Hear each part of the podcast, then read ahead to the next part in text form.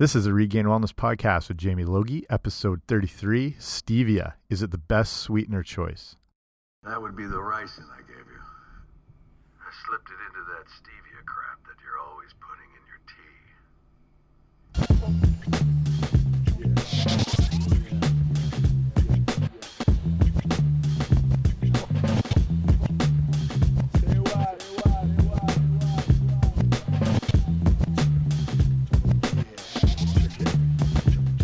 Hey guys, what's happening? Welcome back to the podcast. I'm Jamie Logie. I run regainedwellness.com. This is the Regained Wellness podcast. Thank you for joining me today. I appreciate you taking the time to listen. If you haven't already, swing by regainedwellness.com. You can see everything I have over there with all the other podcasts, the blogs. Um, my new book just came out called Taking Back Your Health. It's an ebook. There's different packages available with that. You can check that at regainedwellness.com slash book. And I want to thank Walter White for part of the intro there. This, uh, don't worry, there'll be no Breaking Bad spoilers, even though that show's been done for a while. I still feel the need to make that disclaimer, even though I think the people who don't watch these shows, they're the spoilers because we have to not talk about them to not spoil it for them. If you see what I'm saying. But if you've seen the show, you will remember that scene and the thing we're talking about today, stevia, and how crucial that was in the very last episode. Again, I won't ruin it in case you haven't seen it. But you see Walter White's take on it, and you're familiar with how stevia affect Lydia, and that's all I'm going to say. But we're going to talk about stevia and if it is showing promise as a sugar substitute or as a sweetener substitute. We'll jump into the whole thing if you're familiar with it, even if you're not familiar with it. So we'll start out with what stevia actually is and it is a plant, the stevia plant, and it's actually been around and used for thousands of years. It's classified as Stevia rebaudiana, and it's actually part of the sunflower family. So over the years, you might have seen it in different named forms as sweet leaf, um, can be known as sugar leaf, things like that. And like I said, it goes back a good 1500 plus years medicinally, especially for use in South America and it was also used just as to, a way to sweeten teas and actual medicines as well, not just for its medicinal benefits, but the fact that there are things called glycosides in the leaves, and they were found to give the the plant its sweetness and provide 250 to 300 times greater sweetness than sugar, kind of like me. So we want to look into the artificial sweetener issue here, and the reason why people have been turning to stevia. So the history of artificial sweeteners is a really kind of long and sordid one. It goes back to substances like saccharin, aspartame, obviously, and many of these sweeteners were actually discovered by accident, speci specifically aspartame, which was found or discovered during research for ulcer medication.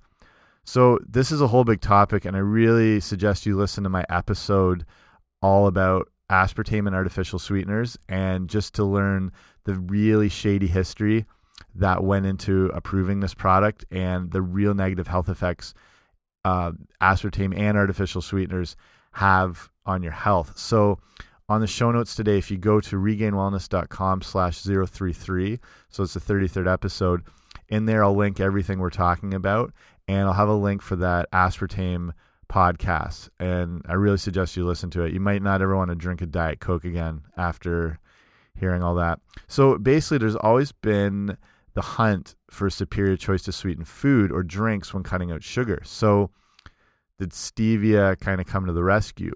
And it's been it's more relatively popular now, but it's actually been used as a modern sweetener since the early 70s. And as the information regarding the other artificial sweeteners was not looking so positive, specifically starting with saccharin, aspartame was more on the scene in the early 80s. But since those early artificial sweeteners weren't looking great, Japan started cultivating the plant as an alternative choice, knowing that it had already been used for centuries. Like they weren't having to create something, they were just looking back at what had been constantly used. So the first commercial stevia was produced in 1971 by a sweetener company from Japan called Morita Kagaku Kogyo, if I'm saying that right. They were they were the first. So since then, Japan has been using it in its food products and soft drinks including things like Coke. They've been doing that for quite a while.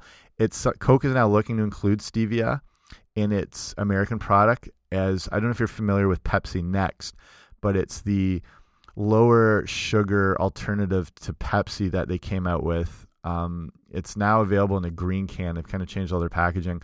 They they avoid using high fructose corn syrup. Still uses some artificial ingredients, but they're at least making the changes to avoid like the horrific effects of high fructose corn syrup by going with normal cane sugar. Not that that's a superior choice, but it's at least a bit better. And they're replacing in Pepsi Next, they're replacing the aspartame with stevia. So, I mean, they're making positive changes. It's still not perfect. There's no reason to be consuming those things, but, you know, be better than it had been, that's for sure. So, Japan had been using it in Coke and these things for a while, and now it's starting to catch on a bit here. Actually, Japan is the biggest consumer of stevia in the world, accounting for more than 40% of the market for the sweetener. So the way we're using stevia today, it seems almost like we're like here in North America, we're playing catch up as far as uh, the usage compared to the rest of the world. Since honestly, since 1984 other big countries like China have been cultivating and using stevia, along with countries like Korea, Taiwan, Thailand, Malaysia, Peru, Colombia, Paraguay, Israel, Uruguay, Brazil. They've all been on board with this for a bit. So, what are the if you've been using this before, if you've been considering it, what are the best forms of stevia?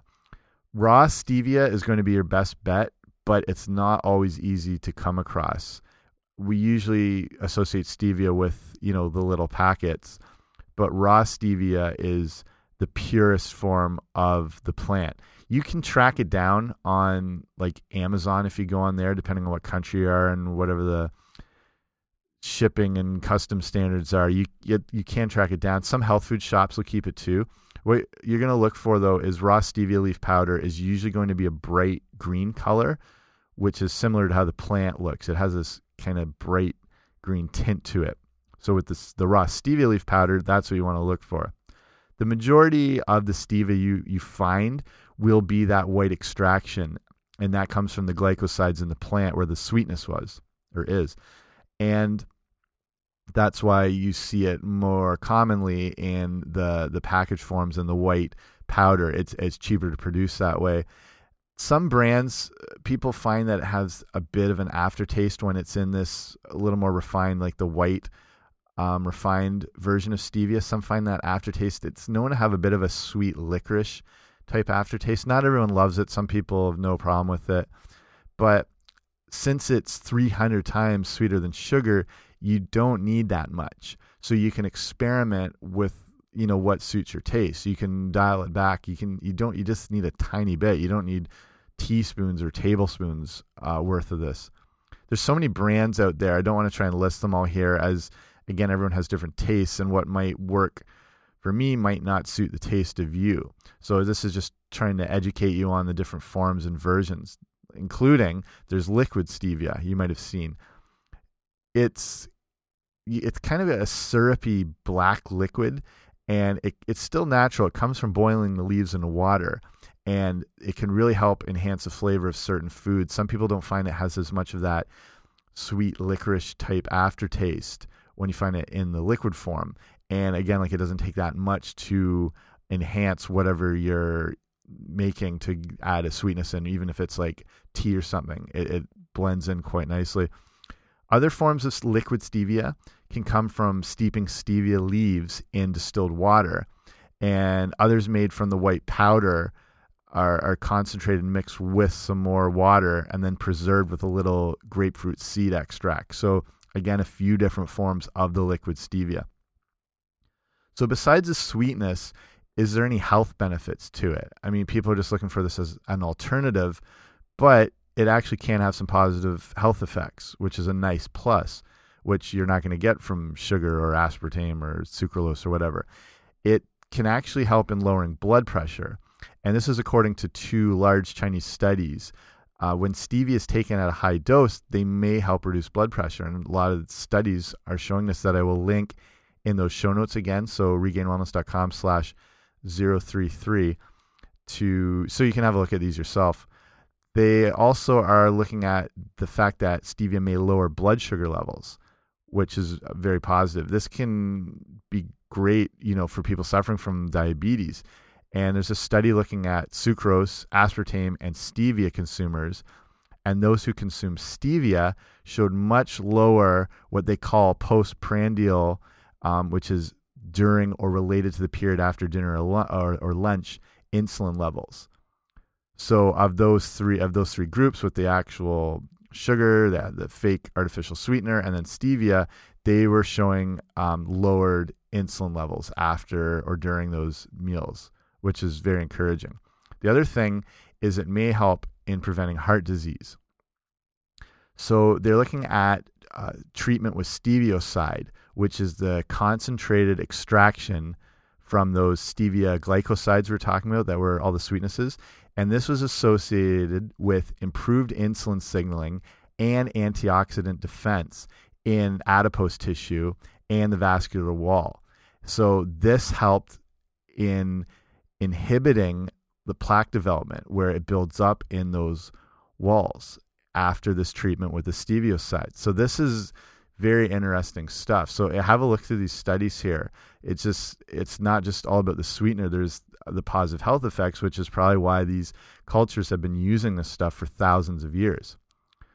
So what else can you use stevia in? Essentially wherever you would use a sweetener or actual sugar, that's where stevia is going to jump on in. So it's going to be in, you know, tea, coffee, smoothies, yogurt. You know, some people like to sprinkle it on fruit. It's pretty good in baking. Some people find it doesn't provide as good of uh, baking characteristics as sugar. And since the taste again is so potent, you have to be very careful with your portioning because if you're just uh, replacing it like you would as a sugar measurement, it's probably going to overpower whatever you're making. If it's me making cupcakes, you know, I got to be careful. But I, I think of stevia primarily for things like tea and coffee and whatever, and that's one of its best uses. Ideally, just to wrap this up here, just want to keep it short today, give you some information to get you on your way here. Ideally, you want to avoid having to add sweetness to things and stick with foods in their natural form. Like, obviously, fruit contains a great amount of sweetness on its own. But, however, when it comes to these times when you're looking for something sweet to add in, especially into a drink, I think it's best to do yourself the favor and make the best possible decision at the time, which you know, if you ideally you keep you keep things as plain as possible in their natural state, but uh, like we're saying here, it's about making the best possible decisions. If you had a cup of sugar, a packet of aspartame, and a stevia, yeah, hundred percent, the stevia is the best choice, and specifically to help you avoid refined sugar. In my opinion, that's going to be the best thing you can do for your health and wellness goals is to eliminate or drastically reduce refined sugar avoiding the issues with artificial sweeteners again is going to be a very wise decision. Um, and that's why you want to reach for something like stevia or keep it on hand so you're not having to turn to those things. Again, check out that episode on the dangers of aspartame and artificial sweeteners just to get you up to speed with that whole issue. Again, if you can find something in its purest form, that's your ideal choice. So finding the raw stevia would be ideal. So have a look around. Like I said, health food shops, sometimes bulk stores can carry it, and again online you can track down everything, which is pretty much how I buy most everything I own now is all online. I'm too lazy to even go shopping. That that to me is like a four letter word shopping. Online shopping I can handle because I can do that in my SpongeBob pajamas, so no problems there. After the thing good that's good too online is you can read all the reviews of all the different brands and the varieties and just get a good understanding of what is out there. And thankfully, people are more than happy to jump onto reviews sites like on when they're reviewing products or whatever, and they're more than happy to put their two cents in, good or bad. So that's very helpful as a consumer, just to steer you in the right direction for the best brands and the best varieties for your needs. Okay, we're going to move into the nutrition fact of the day. We're going to do two. One is a little more of a concerning one, and one is a positive takeaway. The first one is that in 2011, 29.9 million pounds of antibiotics were sold in the U.S. for meat and poultry production. That's nearly four times the 7.7 million pounds sold to treat sick humans. So, a very concerning fact. So, the positive nutrition fact of the day to take away from here is about cinnamon, and it is a potent antioxidant that can help reduce the risk of blood clots, control blood sugar, and improve insulin sensitivity. And those last two, the controlling of blood sugar and the improved insulin sensitivity, help in preventing fat gain and diabetes. So make sure to sprinkle a little bit of cinnamon in the tea or the coffee, just as we were talking about adding in sweeteners and whatnot. So that's it from me today. Thank you for joining. I really appreciate you taking the time to listen to this podcast. I know there's a ton of them out there. So the fact you're here on this one is awesome. And I'm right there with you wherever you go driving, hiking, waiting in a DMV, whatever. We're there together. It's you and me. So if you do like the show, please subscribe on iTunes. And if you have time, leave a rating and review. It really helps get the show in front of more listeners and we're able to help more people. And while you're at it, I was saying if you're at regainedwellness.com, I've also got a free guide available that is called the Healthy Eating Starter Kit. So if you're new to getting healthy and well, it gets you on your feet running with the information you need on things you want to avoid, things you want to include in your diet. It's got some recipes and uh, it keeps you on the email newsletter so you get up to date with things I have going on and new episodes and specific articles I'll just do over email. And you can get that by going to regainedwellness.com slash guide. So thank you for your time spending it here with me and hopefully learning a little bit about some things that can make some positive changes in your health. And in the pursuit of your health, your wellness, your fitness, whatever it is, remember in the long run, it's all about the progress and not perfection. See you next time. You.